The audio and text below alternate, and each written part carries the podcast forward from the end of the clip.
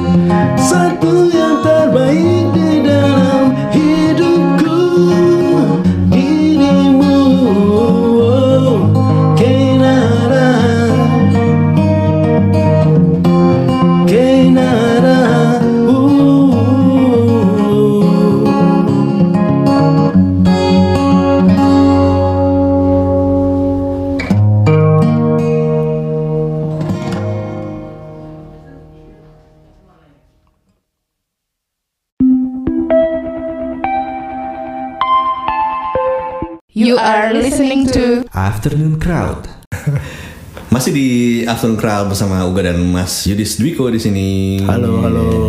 Eh, nih kalau misalnya gue baca CV, cie CV Mas Yudis Dwiko ini kayak Males bacanya karena panjang banget. Semuanya ada di situ gitu, jadi bikin gue minder juga nih.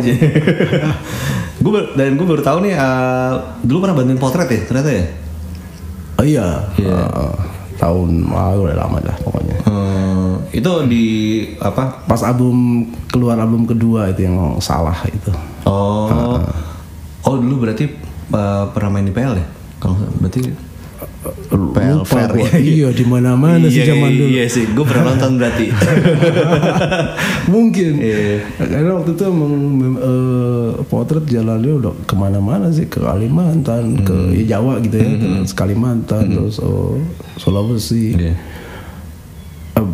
Lupa gue cuman ya, ya di Jakarta apa aja banyak banyak Iya pokoknya. itu saking saking sibuknya, jadi dulu gue les drum. Ini kayaknya pernah diceritain juga. oh nggak nggak diceritain dulu. Itu kita cuma ngobrol-ngobrol aja. dulu. siap siap. Jadi les drum tuh di tempat itu tuh guru drumnya gantian tuh biasanya ada banyak. Nah, eh, Mas Ari Ayunir yang gue gak pernah dapat karena dia sibuk banget potret. Sampai akhirnya dia ke Amerika ya. gitu sibuk gitu tuh. Ah, iya. Terus lu berguru sama siapa kan akhirnya? Ya di di situ ada Gilang, ada Pak Sam dulu Pak Sam ada ada drummernya ini juga Mas Yudi. Ini Mas Edi. Yoi. Iya, dulu di band sini kini ya. Yoi. Iya.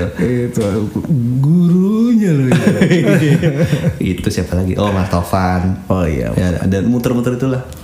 Enak Mas Edi ngajar itu. Cie. Sudah. Nah ini dari dari berarti kan ini udah apa namanya? Eh tapi ngomong-ngomong berarti lu drummer jazz ya? Enggak juga sih. eh, Gurunya jazz semua.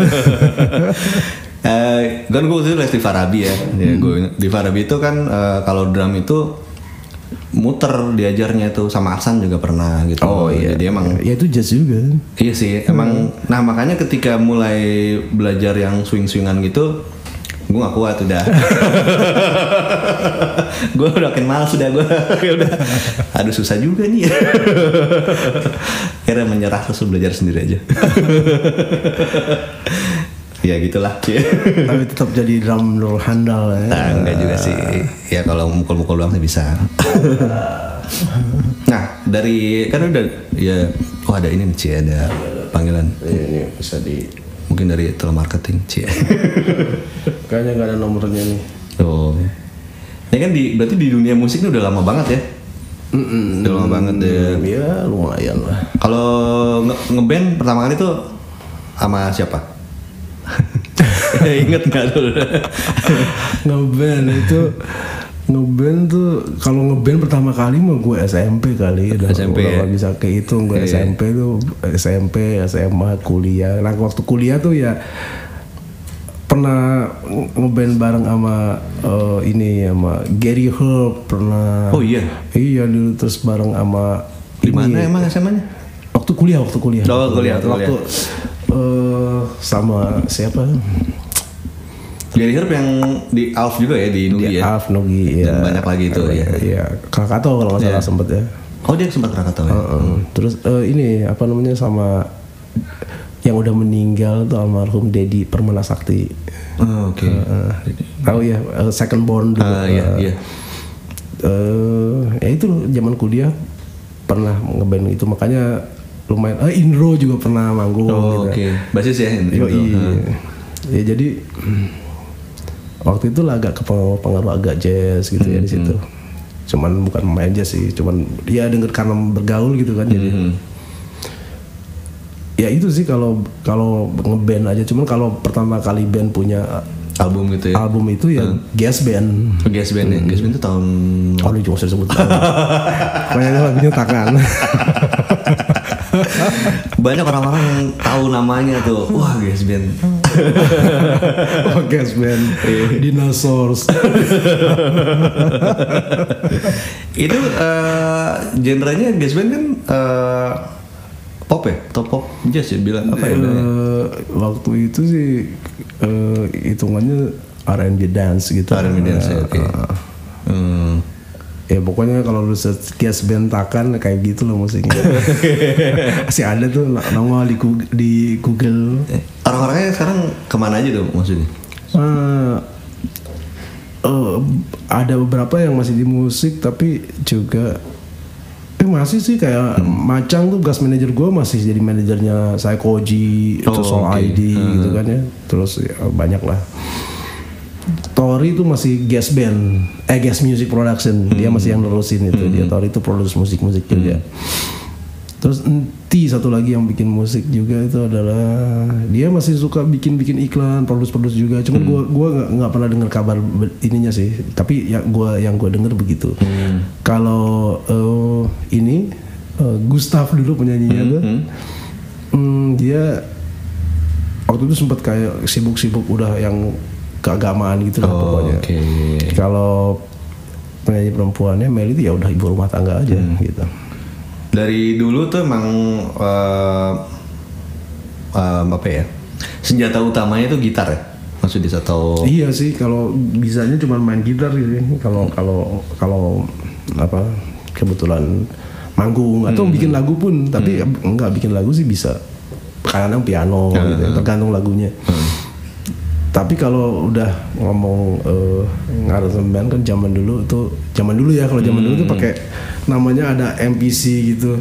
Isinya pakai beat dan ya sampling ada S Akai S1000 gitu. Ya, itu kita pertama kali yang bikin begitu-gitu di album Iwa, di album Oh, Pesta Rap tuh oke. yang ya pertama kali lah kita bikin-bikin model yang eh, di, boleh dikatakan orang bilang itu itu kita pionir lumayan kalau untuk kayak gitu-gitu ya. Iya. musik musik kayak gitu Nah, jadi ya kayak di mesin tik bikinnya. bukan digital. Itu model kayak groovebox itu masih bukan ya? Kayak uh, iya dia pokoknya dia tuh sebenarnya sampling huh? gitu. Jadi kalau ada satu uh, flashing misalnya dong dan dan dan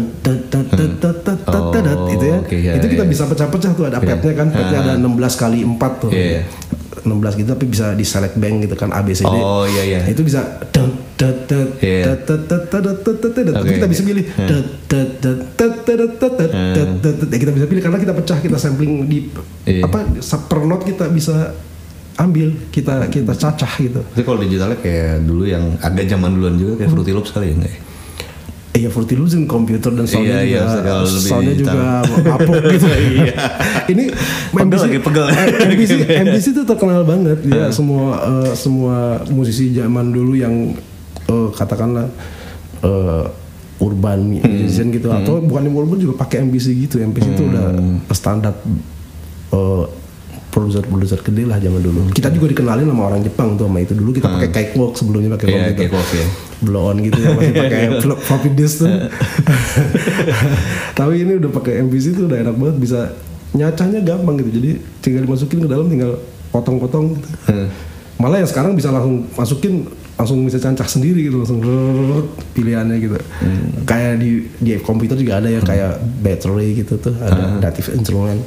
Nah, ini bisa gitu jadi jadi tinggal notnya yang tadinya kita bolak-balik bisa nadanya kita bisa tinggiin gitu, tinggi deh. ya, Oke. rendahin gitu bisa kita panjangin juga tadinya deng deng deng, jadi bisa deng deng deng ya. tapi ya pasti ada artefak ya Hmm. kayak gitu kurang bagus tapi maksudnya tuh satu not yang begitu tuh misalnya katakanlah na na na gitu ya. Hmm. do re mi bisa. Do mi re na na na Oh, kita iya, bolak balik karena kan setiap part kita isi satu satu not tuh. Hmm. jadi dari sound yang sama kita bisa bi- bisa bikin lagu lain gitu. Zaman dulu ya kita senang juga sih bangga bangga juga bisa. Oh ini asik. terus soundnya tebal banget kan waktu itu. Iya. nggak kayak komputer gitu. Analog kalau ini.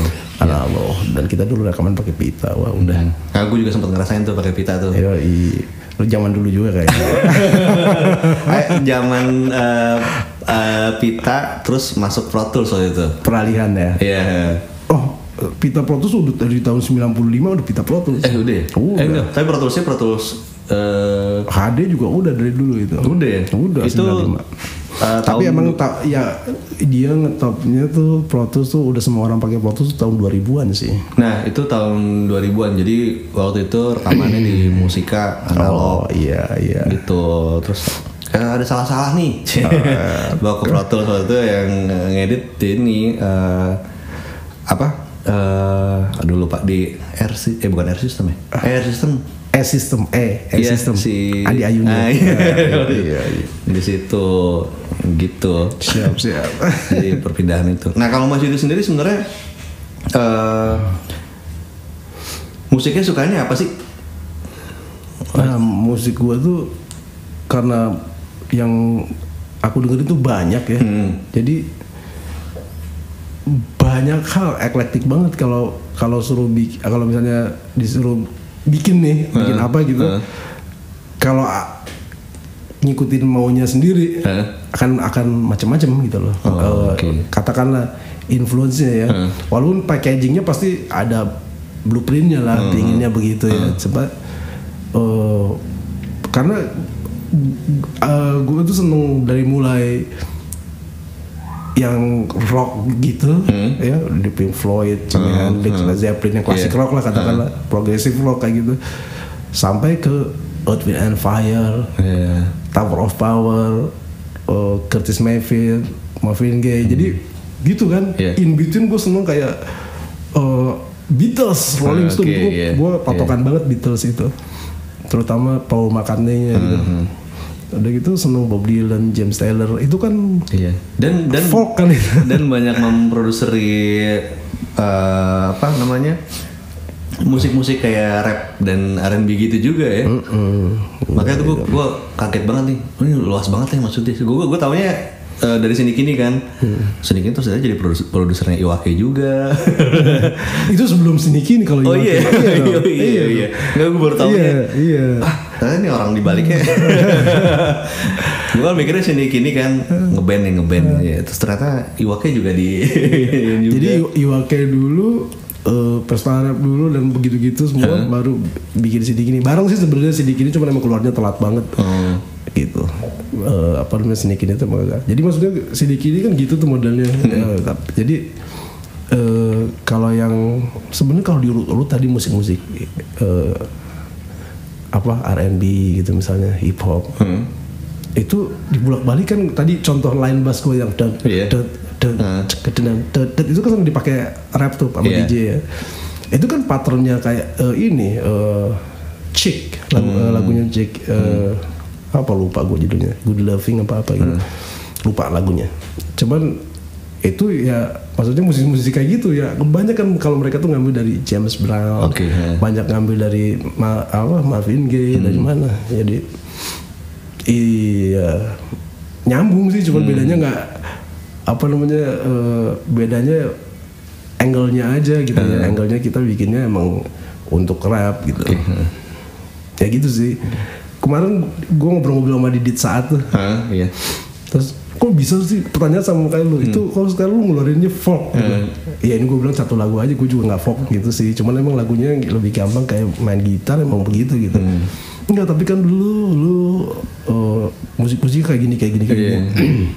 Ya gue tau dari sini gini sampai ke yang rap gitu ya nggak folk gitu. Iya. ya sebenarnya kalau di di di cacah ditelanjangin misalnya ada beberapa lagu Iwa juga yang gue bilang eh, sebenarnya itu basicnya folk Oh, musik apa ya? Iya, rap sendiri kan bertutur ya sama kayak folk ya. Iya. Jadi kayak misalnya lagu bebas itu, Hah?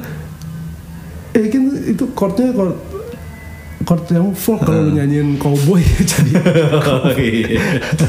Iya bener ya. gitu. Nah itu juga ya, sebenarnya mau tanyain. Jadi eh, yang dicari dari bikin solo ini apa sih sebenarnya gitu? Oke, eh, mungkin eh, mot- motivasi lu mas, Iya motivasinya maksudnya gitu. eh, kenapa tiba-tiba eh, ini baru pertama kali berarti ya solo ya? Iya. Nah, Emang nggak boleh? Boleh nggak? Maksud nggak? Maksud gue, gue nanya gitu apa tujuannya gitu. Ketika tiba-tiba nggak tiba-tiba sih maksudnya kenapa solo dan sebenarnya mau mau ngapain gitu? Iya. Eh, gue seneng sih ditanya kayak gini karena gini.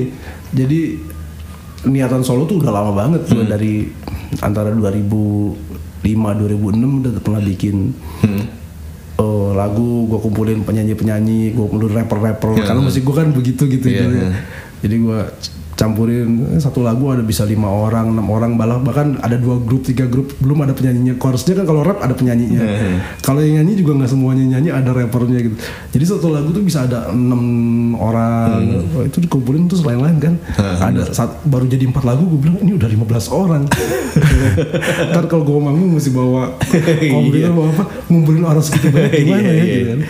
Gua aja nggak jadi tuh walaupun itu lagunya ada yang sempat dibikin lagu film gitu ya habis gitu eh, tahun 2007 2008 gitu 2007 kalau nggak salah bikin nama Nawa itu project namanya sama Andes Oke. sama Surya Saputra sama Surya Saputra ini aktor. Iya sama Oh, Berta. aha. Itu lagu Nawa itu Project tuh sebenarnya lagu-lagu eh, rohani gitu ya. Mhm. Ya gitu, udah keluar malah itu albumnya. Hmm. Udah keluar. Cuman di tengah jalan begitu ya itu untuk promo untuk manggung susah kan ngumpulin Iya, apalagi iya, nama-nama gede gitu ya. Katakanlah nama-nama yang sibuk ya Berta atau Surya gitu kan. Eh, ya itu gagal juga. Nah, terus 2011 gue bikin Descended. Descended. Hmm. itu juga kandas karena penyanyi si Agus itu sakit setahun setahun lebih. Ini ya Agus. siapa? Agus Agus yang Agus yang ini iya, yang di Bejana, iya. Oh. Itu gua Agus eh, Fajar Adi Nugroho main bass tuh sama Sirhan Bahasuan Hmm. Hmm, main drumnya itu berempat. Itu seru sih bandnya band eh, Musiknya hard rock gitu Oh, tapi pakai pakai ada eh soulnya gitu. Jadi kita kalau manggung pakai brass action Oh, seru gitu. seru.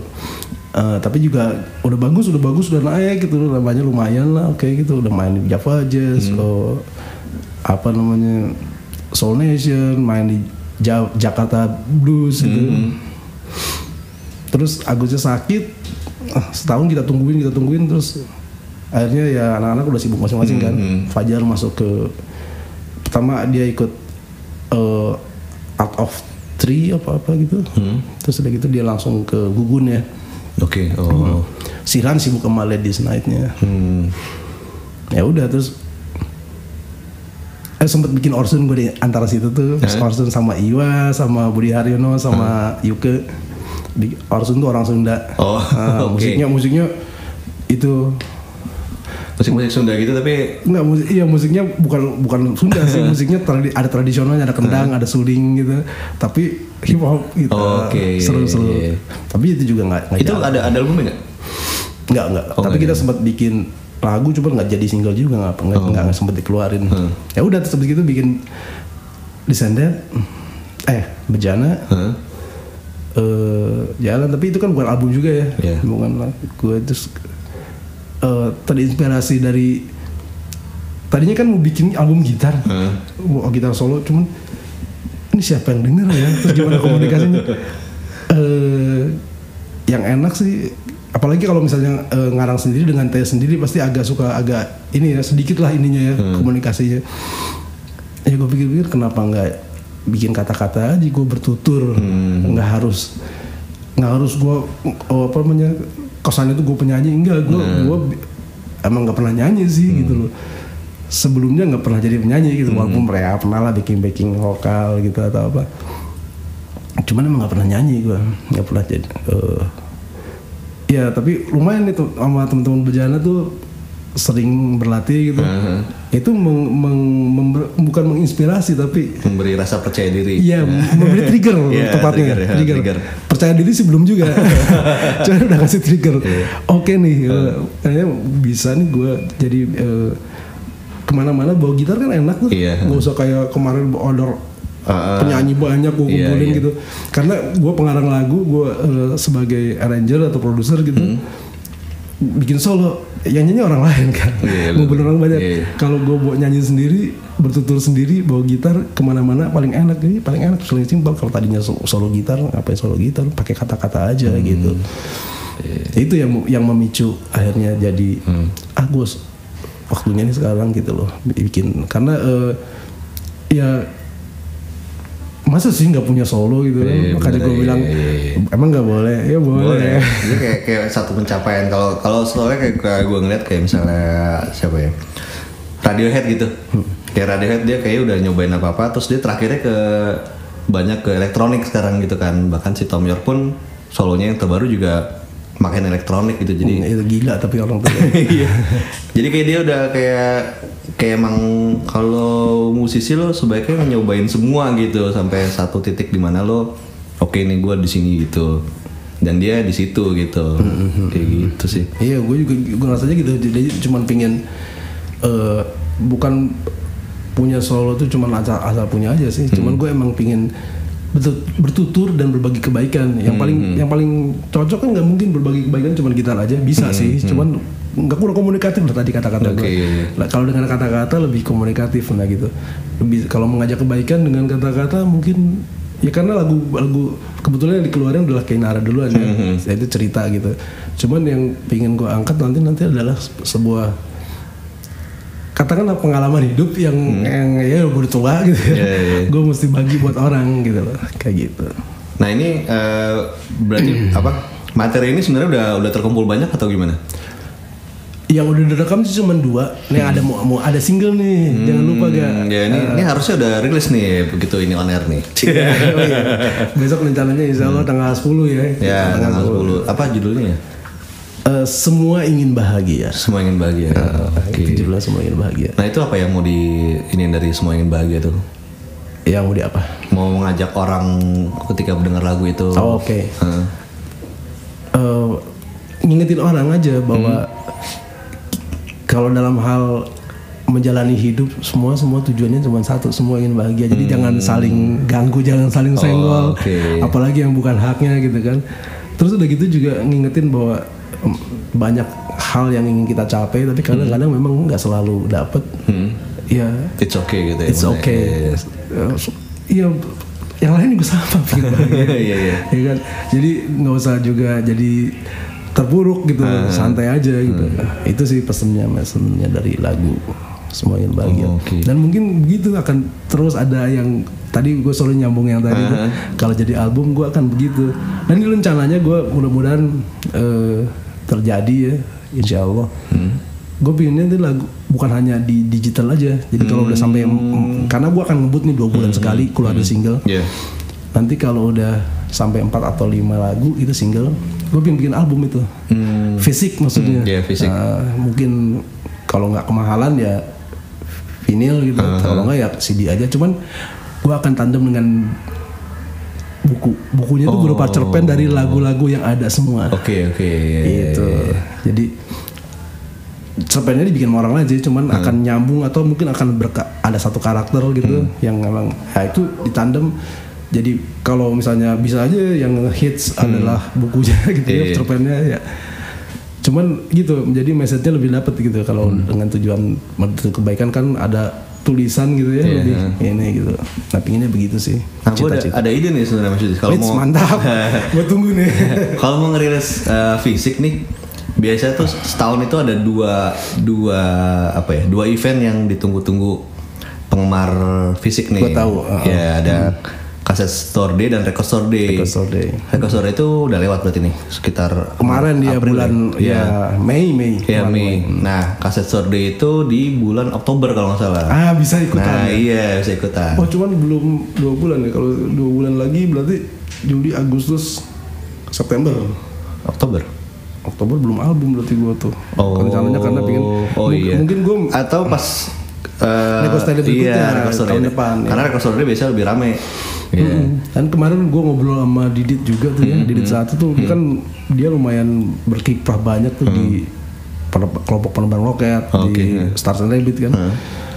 Ternyata banyak hal yang eh, ya gue gue karena Didit suka nge-share gue share di sini banyak hal yang emang eh, apa namanya yang gue yang kayak gue pemula-pemula gini dalam eh, ngerjain sendiri Heeh. apa brandingnya gitu Heeh. itu eh, dilakukan oleh band-band seperti itu gitu. Ada ada beberapa lah. Jadi mereka tuh me- apply kepada satu apa ya satu aplikasi formulir gitu ya. Festival-festival di luar. Hmm, di mana iya, aja? iya, iya. Malaysia lu band lu juga bisa gitu tuh. Malaysia Australia Iya. oh, New Zealand eh, mana Iceland di mana mana loh. Amerika ada. Jadi rajin-rajin aja gitu. Begitu udah mereka biasanya ngecek selain lagunya juga ngecek sosial medianya jadi sosial medianya harus dibangun kalau misalnya oke gitu atau misalnya sosial medianya biasanya tapi lagunya tuh oke banget bisa dijejerin sama mereka Betul. gitu Iya betul. betul. itu lebih jalurnya lebih cepat ketika kalau soalnya begitu naik di luar di sini naik gitu Iya. Itu yang sempat dilakuin juga sama White Shoes kan, White Shoes. Iya, Ya, iya. itu. Atau si efek rumah kaca ya pernah. Iya, Efek Rumah Kaca pernah. Tapi dia nggak efek rumah kaca kan dari sini duluan ya. Ini Ya. bisa bisa kalau kata si Didit itu bisa dilakukan adalah dengan ada beberapa Oh, banyak band. Ada yang gue tahu tuh si Lightcraft.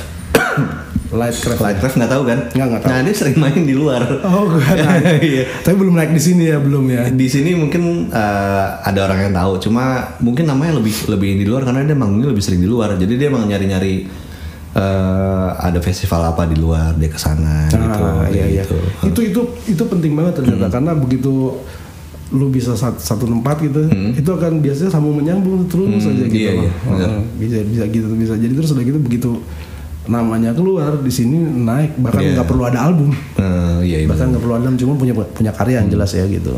Ah, Ya. terus gue mau nanya nih sebenarnya fenomena sekarang kan nih semenjak ada kayak apa ya streaming streaming service gitu kayak Spotify dan lain-lain kan eh, membawa perubahan yang signifikan nggak dalam memproduksi karya gitu. Kalau kalau dulu kan kayak album itu kayak it's a must gitu orang harus bikin lah gitu. Kalau sekarang tuh kayaknya cenderungannya gue lihat tuh single single single aja gitu dan belum tentu keluar fisiknya gitu. Kalau menurut Mas Cudi sendiri gimana? Eh, kalau pertanyaan tadi dipotong aja sampai eh, ngasih perubahan yang signifikan nggak? Sangat. Sangat ya? sangat banget. Jadi eh, pertama zaman nggak ada fis- sekarang seperti nggak ada fisik ini nggak ada duitnya lah buat pengarang lagu atau arranger kayak gue nggak ada royalty producer nggak Iya, ada royalty pengarang lagu kan. Iya maksudnya dari Spotify dapat apa sih gitu kan? Iya bener. Oh, Sen-senan itu juga. iya. Walaupun misalnya sampai katakanlah 2 juta gitu ya. 2 juta viewers gitu kan tetap masih sedikit gitu Iya, masih iya. dibandingkan kalau fisik apalagi RBT zaman dulu. Iya. Gitu loh. Jadi eh atau iya gua share dikit boleh ya. Iya, boleh, Eh, boleh. Misalnya sebagai perbandingan aja. Eh, kayak dulu tuh eh jadi gue bikin Agnes tak ada logika kan. Hah? Itu lagu udah itu 2005 ya kalau nggak salah. Terus pada 2010 itu dibarengin sama KFC dibikin Oke. The Best of Agnes. Iya. Tapi dia dari dia eh, KFC gitu. Eh di apa KFC ya? bener. Iya. Hmm. Itu kan gitu kan jadi ditawarin kan jemput bola kan dikasih mau dan ini dapat si Ah, iya. itu gue dapat 150 juta buat lagu satu lagu doang padahal kan 10 lagu di situ Hah? eh, jualannya berapa berapa juta keping itu Itu jadi kayak apa? Beli putus gitu maksudnya? enggak enggak mau royalti itu Oh, royalti maksud ah, gue oke. itu kan udah lama itu Iya. zaman dulu tuh kalau misalnya bikin lagu gue misalnya nih perbandingan sama Spotify sama iTunes atau apalah kalau dulu bikin satu lagu itu bisa kipas-kipas bisa satu tahun setengah karena iya, royalti iya. ada Iya, iya. ada dari macam-macam dari kayak yang airing juga kan main di orang mainin di kafe di Iya. karaoke Ah. di uh, Restoran, flight di iya. restoran ya kan dapat itu walaupun agak kecil cuma dapat lah Hmm. cuman kan royalti yang berupa fisik tuh selain DVD, Hmm. CD, kompilasi, terus eh, banyak macam-macam itu. Dan worldwide ya, Iya. sering dapat dari Brunei, dari Australia, dari Malaysia. Kalau kebetulan lagunya booming gitu Iya, kan, heeh. Nah, pokoknya udah santai aja setahun setengah lah paling enggak, bisa dua tahunan, Iya. santai. Kalau udah satu, jadi udah kayak eh bener gitu kerasa gitu loh kan kalau mereka manggung kan kalau artisnya kalau gua ya kita duduk-duduk aja gitu iya. kan Eh, tapi begitu Spotify tuh orang bikin ya cuma dikasih biaya produksi aja. Dikasih advance lagu cuma juga nggak ada royaltinya terusannya. Kan terus kalau lagu eh, diproduksi gitu nggak ada royalti produser juga karena nggak ada sampai kapan gitu dapatnya kan. Hmm. kecuali kalau yang besar-besar lah gua nggak tahu ya kalau kayak sekarang yang besar-besar kan ada kayak misalnya siapa lah yang yang sampai seratusan juta mungkin Indonesia gua nggak tahu. Ya itu mungkin besar ya. Cuman kalau eh, di zaman kayak gitu terus kita bersaing yang kayak gitu kita ngarepinnya nggak bisa dari situ. Jadi harus justru harus yang lain nih yang orang bikin tuh ya. Medsos sih sebenarnya kayak IG atau Iya, YouTube benar gitu sih. kayak gitu. Jadi eh, eh, sekarang tuh jadi gini ada istilah kalau dengan pertanyaan lo tadi masih eh, signifikan perubahan. Iya perubahannya adalah kayak di zaman sekarang nih terutama zaman medsos dan Spotify tadi ya Eh, di Spotify tuh kayak cuma buat outlet. Yang lainnya kita j- jadi bisnismen juga. Oh, Oke ya. itu Iya. zaman dulu kan kerjain sama eh, label atau manajemen. sekarang sebagai orang yang punya karya harus bisa eh, membranding dirinya sendiri gitu. Itu jadi itu itu itu sangat signifikan. Di samping tadi ya penghasilannya berubah ya. Iya. sebenarnya eh, emang kecil cuman shifting sih. Jadi orang kalau misalnya bisa mengelola dari hal-hal yang lain mungkin masih bisa gitu Nah, itu, itu aja sih ada kaitannya sama tadi nyebut label. Apakah sekarang label masih diperlukan sama musisi nggak sih sebenarnya? Hmm.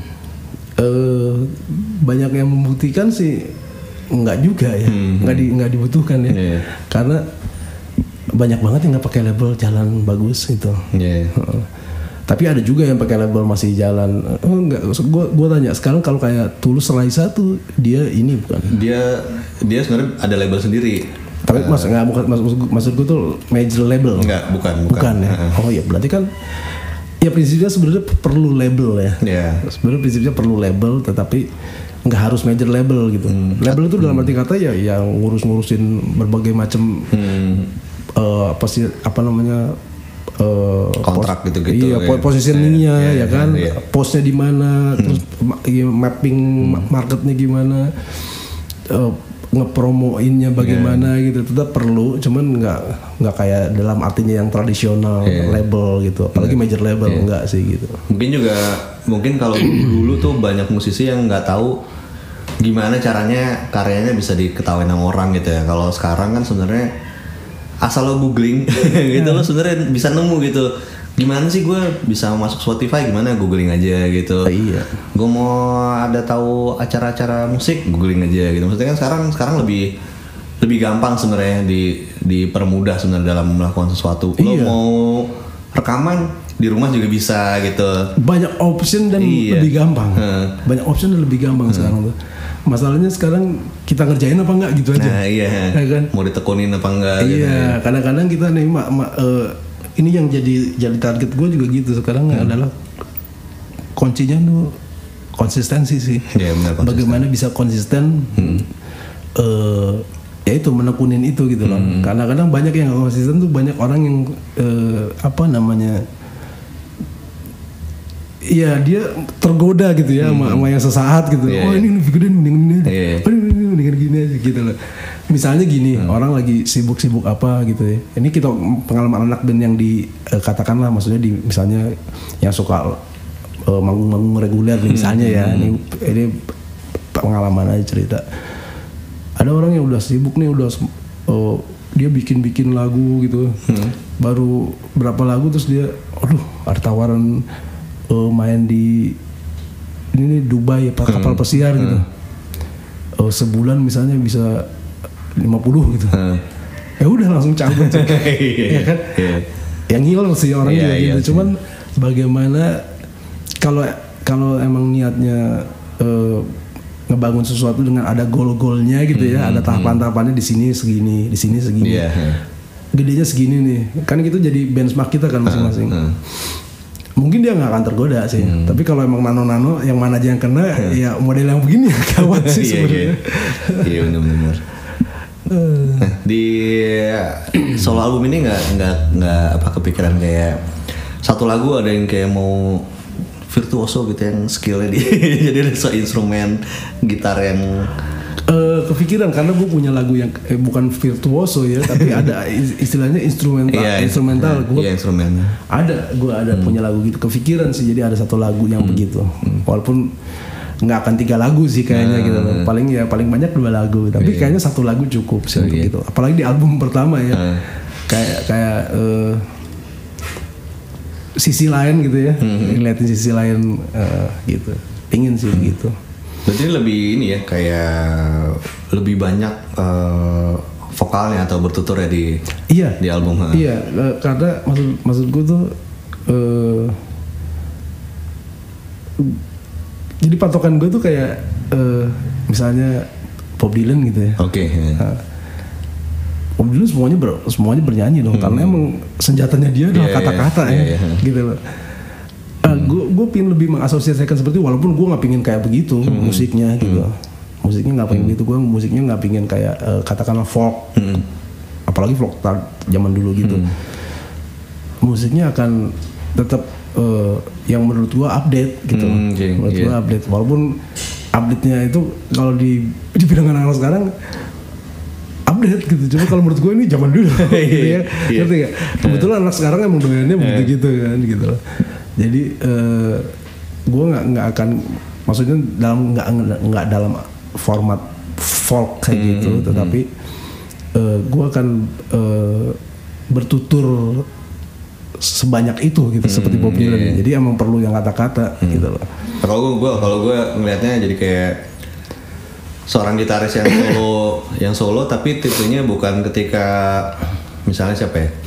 Ya misalnya Steve habis main di David Lee Roth dia solo solo instrumen gitu. Iya, nah kalau iya, ini kayak kayak mungkin kayak misalnya di, di yang gue tau nih Smashing Pumpkins nih gitarisnya James Iha solo dia nyanyi juga gitu kayak gitu jadi. Gue lebih kayak begitu sih Iya, karena iya. gue gue mungkin gue player gitu ada ya dalam arti kata main instrumen manggung pernah gitu-gitu cuman gue suka lebih melihat instrumen itu gitar bukan sebagai kayak alat tadi ngomong ada lu ngomong singgung-singgung virtuoso. Gue bukan seperti itu ngelihatnya gitu. Eh, it's just a tool buat gue seperti keyboard sama seperti drum sama. jadi itu cuman alat gue kebetulan ya gue bisanya di gitar gitu. Bukan kayak misalnya kayak oh ya itu. Tadi sebut Steve Vai, Paul Gilbert. Paul Gilbert bahkan nyanyi juga Iya, kalau iya. dia ke mana-mana ya cuman maksudnya ada yang model kayak gitu kan. Nah gue lebih suka kayak kalaupun ada nyanyi nyanyinya mungkin ya tapi gue sih nggak nyanyi kayak gitu sih kalau misalnya sambil main kayak Jim Bandit gue lebih suka Oke, gitu iya. jadi kalau lebih agak ajaib tuh kayak John Frusciante kali Red Hot. Nah, itu, itu juga dalam sih Iya. dia gitu-gitu tuh. eh, Iya buat gue sih gue dengerin kemarin yang album tahun berapa tuh. Ya agak depth banget sih yang dia kerjain tuh. Itu sama kayak kita denger ya zaman dulu kayak kita denger lagu-lagunya Sid Barrett gitu, apa Pink Floyd, Iya. ya kan? Iya benar. itu tuh eh, somehow gue ngerasain bisa ngerasain gila nih pengalaman hidupnya gitu ya. kayak gitu masih muda zaman dulu Iya, mereka gitu kan iya.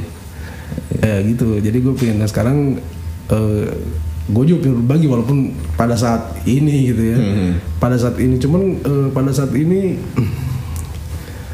yang gue yang gua sampaikan adalah justru buat nggak hanya buat orang tua kayak gue tapi gue tapi gue juga menyampaikan buat orang-orang yang lebih muda lebih ke eh, terutama buat buat buat eh, orang-orang yang masih eh, 20 atau bahkan belasan gitu ya 18 19 gitu gue pengen berbagi.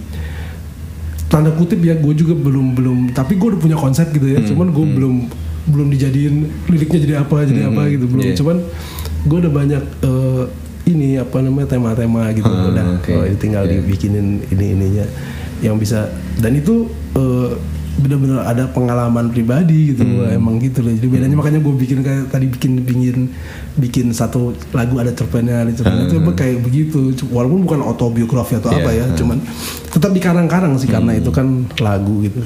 Cerpennya juga kalau bisa sih emang gue pinginnya di dibuat sedemikian rupa sehingga emang membuat orang pingin baca gitu. Pinginnya gitu. Jadi emang terus message-nya apa? Nah yang kita ambil kan sebenarnya pesannya tuh nyampe yang penting kan. Kalau pesannya bagus gak ada yang baca juga percuma. Gitu sih. Cerpennya yang nanti yang akan menulisnya siapa? gue udah menghubungi beberapa orang. Tapi belum ada yang pasti sih gitu loh. Belum belum ada yang pasti. Cuman yang pasti mereka pernah nulis lah Oke, gitu. iya, iya. Nah, bahkan gue selalu kalau misalnya ngomong ke mereka gini ada nih kayak gini kayak eh, si ini recto verso katanya siapa Si eh, Dewi di- Lestari. iya Nah. dia- Iya itu kan novel kan Iya, emang nah. terus di emang dari eh, lagu di tailor ke situ kan. Kalau gue bedanya ya gue bikin sepotong-sepotong dan nggak sebenarnya bisa ada karakternya tapi nggak harus berhubungan ceritanya gitu. Kan cerpen namanya bisa lepas-lepas aja gitu. Iya. Sorry sorry gitu. Oke. Hmm. Nah, ya at least ada ada target uh, record store dari tahun depan bisa jadi target buat rilis gitu. Allah, apalagi kalau bisa doain maksudnya kalau bisa vinyl gitu ya. Iya. Enak banget. Agak mahal sih ya vinyl ya. Mahal dan kalau nggak salah bikinnya di luar di Iya, yang bagus di luar. Di di Iya. Belanda atau apa ya?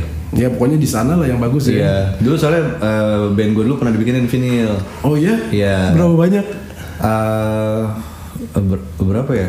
200 atau 300 gitu. Iya segitu sih cukup sebenarnya Iya, awal iya. segitu aja. Ada ada band namanya Keman Lennon dulu ada dia band gue.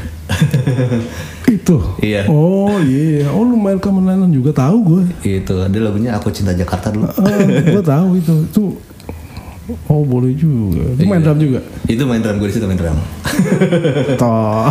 Jadi yang yang bikinin vinilnya itu basisnya White Shoes si Ricky. Oke. Itu nih gue bikinin nih vinil gitu ya udah dibikinin terus dijual sama dia. Dulu dijualnya itu harganya 250. Ya tahun berapa tuh? Hmm, berapa tahun yang lalu ya? Eh, tiga atau empat kali ya. Oh 2000. Dan eh, ya kalau sekarang kalau ada nyari di Blok M Square mungkin itu udah 500 ribu. iya. tapi emang sekarang sekarang jualannya 350 400 ribu ya. Iya sekitar segitu ya. Eh, makanya ada gue nggak usah ceritain orangnya siapa tapi ada yang cerita ke gue ada seorang rapper lah Hmm? bikin vinyl berapa kali Hmm? dari album yang sama yang udah nggak grupnya udah bubar gitu sampai bisa beli rumah beli apa Oh iya. karena ya modalnya bisanya berapa 50 gitu untungnya bisa 300 Iya. cetak lagi gitu Iya, iya. cetak lagi cetak lagi ini berapa kali cetak udah Iya sih. hebat sih fenomena itu ya Iya, iya. padahal vinyl tuh kalau gue lihat orang lain yang beli nggak pernah di- nggak pernah dibuka loh Iya gue juga gak pernah buka. Gue gak ada player. nah itu kan gue punya playernya cuman gue nggak pernah gue udah nggak pernah beli vinyl Lagi soal enter. Ah, enggak gue gue selalu turunan dari kakak gue dulu ada atau dari mana gitu ada Hmm, Oke, iya. Nah, eh, ini berarti ini udah rilis Kenara sama eh, yang baru itu. yang bakal Nah, semua bisa Ingin. ba- semua ingin bahagia ya. Nanti kalau di album itu kira-kira ada berapa lagu ya? Misalnya 10. 10 ya? 10. Oh, 10. Oke. Iya. Emang harus konsisten sih. Gue aja nggak selesai-selesai. ya. Pokoknya gue gue sekarang gue gue ada eh, istilahnya eh, bikin udah bikin langsung keluarin bikin keluarin Iya, gitu. Jadi iya. as- eh, maksud gue tuh ya tentunya yang gue ngerasa layak orang denger gitu ya.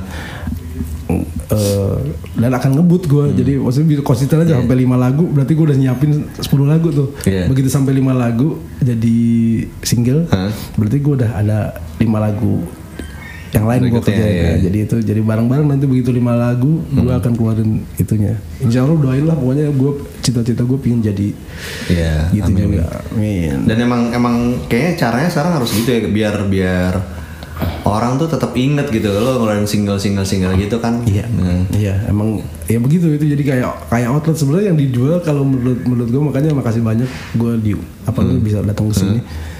Eh, yang dijual sebenarnya bukan hanya lagu, iya lagu tentu ya itu itu itu produk kita ya. Iya. Tapi yang sebenarnya brandingnya Iya, dari brandingnya, iya, benar. dari Ha. paketnya Iya, itu ha. itu yang dan itu memang eh, butuh konsistensi tadi Iya. yang terus terus Benar. terus terus terus Benar. jangan banyak pertimbangan juga sih Betul. dulu dulu gue nggak gitu dulu gue banyak pertimbangan bener. jadi ini gue sebenarnya kalau di, di- agak-agak sedikit Yudis yang baru gitu yang dulu ya, posting Instagram sekali sebulan atau Iya. sebu- ya seminggu dua kali seminggu sekali lah gitu. Seminggu dua kali juga enggak kali. Bahkan gue tuh kan ya orang-orang kayak gue kan nggak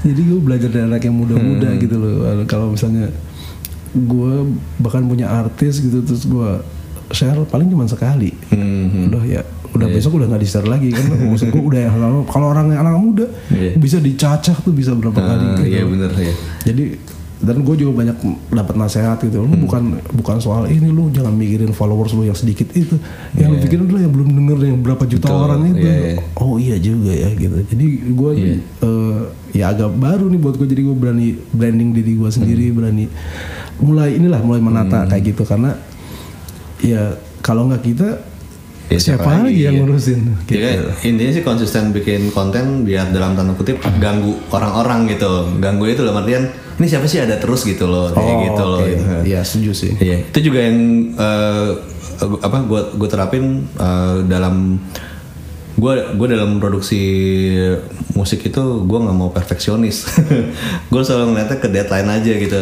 Betul. Iya. Kalau kalau gue juga gitu. Kalau gue eh, idenya apa? Iya. Idenya dijalanin dulu aja. Iya. Yang nilai jelek atau bagus mungkin ada dari Hmm, kita. Cuman eh, apa namanya? Gak usah terlalu banyak apa namanya? Nah Takut. itu gitu. Iya. Iya. Keluarin aja. Iya. Ntar- Lu, lu bilang bagus juga bisa aja bisa aja orang bilang jelek kan. Iya. Iya kan? Daripada nggak keluar nantinya Betul. gitu. Jadi gue udah begitu Hmm, sekarang iya. udah bahkan bahkan gue tuh dalam hal eh, yang lain pun jadi maksud gini. gue juga nggak terlalu perfeksionis dalam arti kata kalau udah ada ide ya dijadiin aja gitu. Hmm. Iya. Abis gitu, oh harus ini gue musinya mesti begini. Oh ini bawa keluar nih mas. Enggak, gue nggak mikir gitu. Hmm. Iya. gitu. Jadi udah bikin aja, terus keluarin aja gitu yang simple. Ya itu yang paling simple Hmm. buat gue gitu. Ya eh Insya Allah sih kalau misalnya keluar album akan di mastering ulang Iya, sih iya. pasti akan gimana Oke. gitu lebih di touch up lah gitu ya gitu. Gue bahkan suka bilang anak-anak itu yang yang kalau komen-komen ngeri- ngeritik kita atau masalah teknis itu biasanya cuma kritikus musik aja gitu. kalau kalau pendengar orang awam nggak sampai kayak gitu gitu Betul. biar nggak terlalu ini harus perfect banget itu ya buat, buat itu Betul, itu kata dia aja gitu kan. Iya. Anak-anaknya kuping dia. Iya. kalau lain kupingnya kan bukan belum tentu kayak dia juga gitu. Satu itu, satu lagi sebenarnya kalau di sisi lain ya, kalau Hmm. di eh, yang gue juga kan baru belajar gitu ya, baru mulai jadi gue juga belum banyak tahu. Cuman Hmm. Iya. yang gue amatin bener ternyata kata-kata orang eh, orang sebel, Hmm. orang nge- ngerespon tuh itu justru respon juga gitu. Iya, itu termasuk Iya, respon, ya iya. Berarti orang nggak suka atau ada orang yang bahkan Iya. misalnya jelek banget sih gini-gini. Hmm. Itu pun promo gitu buat kita kan. tetap masuk walaupun tetap jelek ya gitu Iya. ya, apa komennya cuman itu tetap ngangkat orang makin akan ada yang ngomong lagi belum belum lain kan Hmm. ah enggak nggak jelek Ah, Iya, iya. nah, itu terus tuh nyambung nyambung terus tuh jadi kalau di sekarang tuh sebutnya engagement Cie. Iyo, iya. Nah itu makanya Hmm. gue mesti belajar sih kayak gitu gitu Iya. sama lu juga gak. kalau dulu kan sebenarnya orang nyebutnya kayak apa ya bad news is a good news juga gitu Iya iya. dan eh, kalau menurut gue kalau ada komen-komen negatif pun sebenarnya nggak apa-apa gitu atau misalnya eh, musik kita di review jelek kita nggak usah marah gitu Betul. dengan orang review sebenarnya dia udah meluangkan waktu buat buat dengerin gitu kan Gue inget ada namanya dulu ada namanya eh, apa Friday apa gitu yang nyanyi itu orang bule eh, itu waktu lama dulu itu di- jadi ketawaan semuanya. Hmm. Ya karena ya isi pertama liriknya juga sangat dangkal gitu misalnya menurut mereka ya. Terus nyanyinya juga kurang oke banget gitu Ya, loh. Dan musiknya musik ya begitulah pokoknya musik-musik urban yang emang eh, komputer banget gitu kan. Hmm. dicela semua jadi kalau misalnya ada oh, 100% gitu 1 sampai 7 70% lah gitu itu nyela gitu. oke Gitu. tapi ngetopnya bukan main sampai Iya. bikin album dia terus ya dan bagus terus ya jadi jadi jangan lihat kondisi sekarang intinya gitu ya Iya, benar kita ngelihatnya harus punya visi nah orang makanya Iya. Gitu punya visi itu penting nggak? Hmm. punya visi itu penting jadi maksud gue tuh jangan lihat kondisi sekarang lihat ke depan aja positif Iya, gitu bener.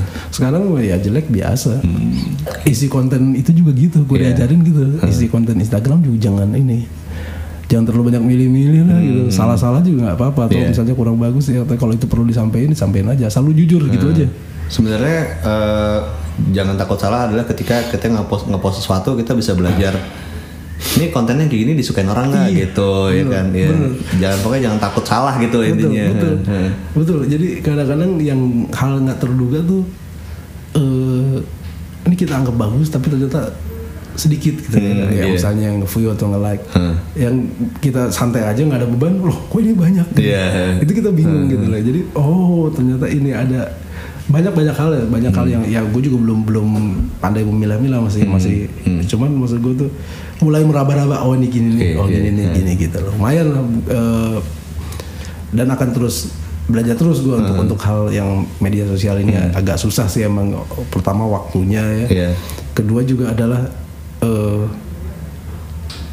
kontennya Iya, iya, iya, dan- gitu sih kalau gue bilang dan emang kalau di dunia digital akan berubah terus sebenarnya jadi emang harus up to date terus nanti ada yang baru apa itu gitu nah itu itu gila kan soalnya Iya. itu gila bukan itu butuh effort dan eh, iya waktu Iya. yang cukup gitu sebenarnya satu gila tapi di satu sisi juga kita semua sama-sama belajar dari awal gitu loh iya, Iya, gitu. iya, iya, iya. Semua orang, so, iya gitu, gitu, gitu. Jadi, jadi gini.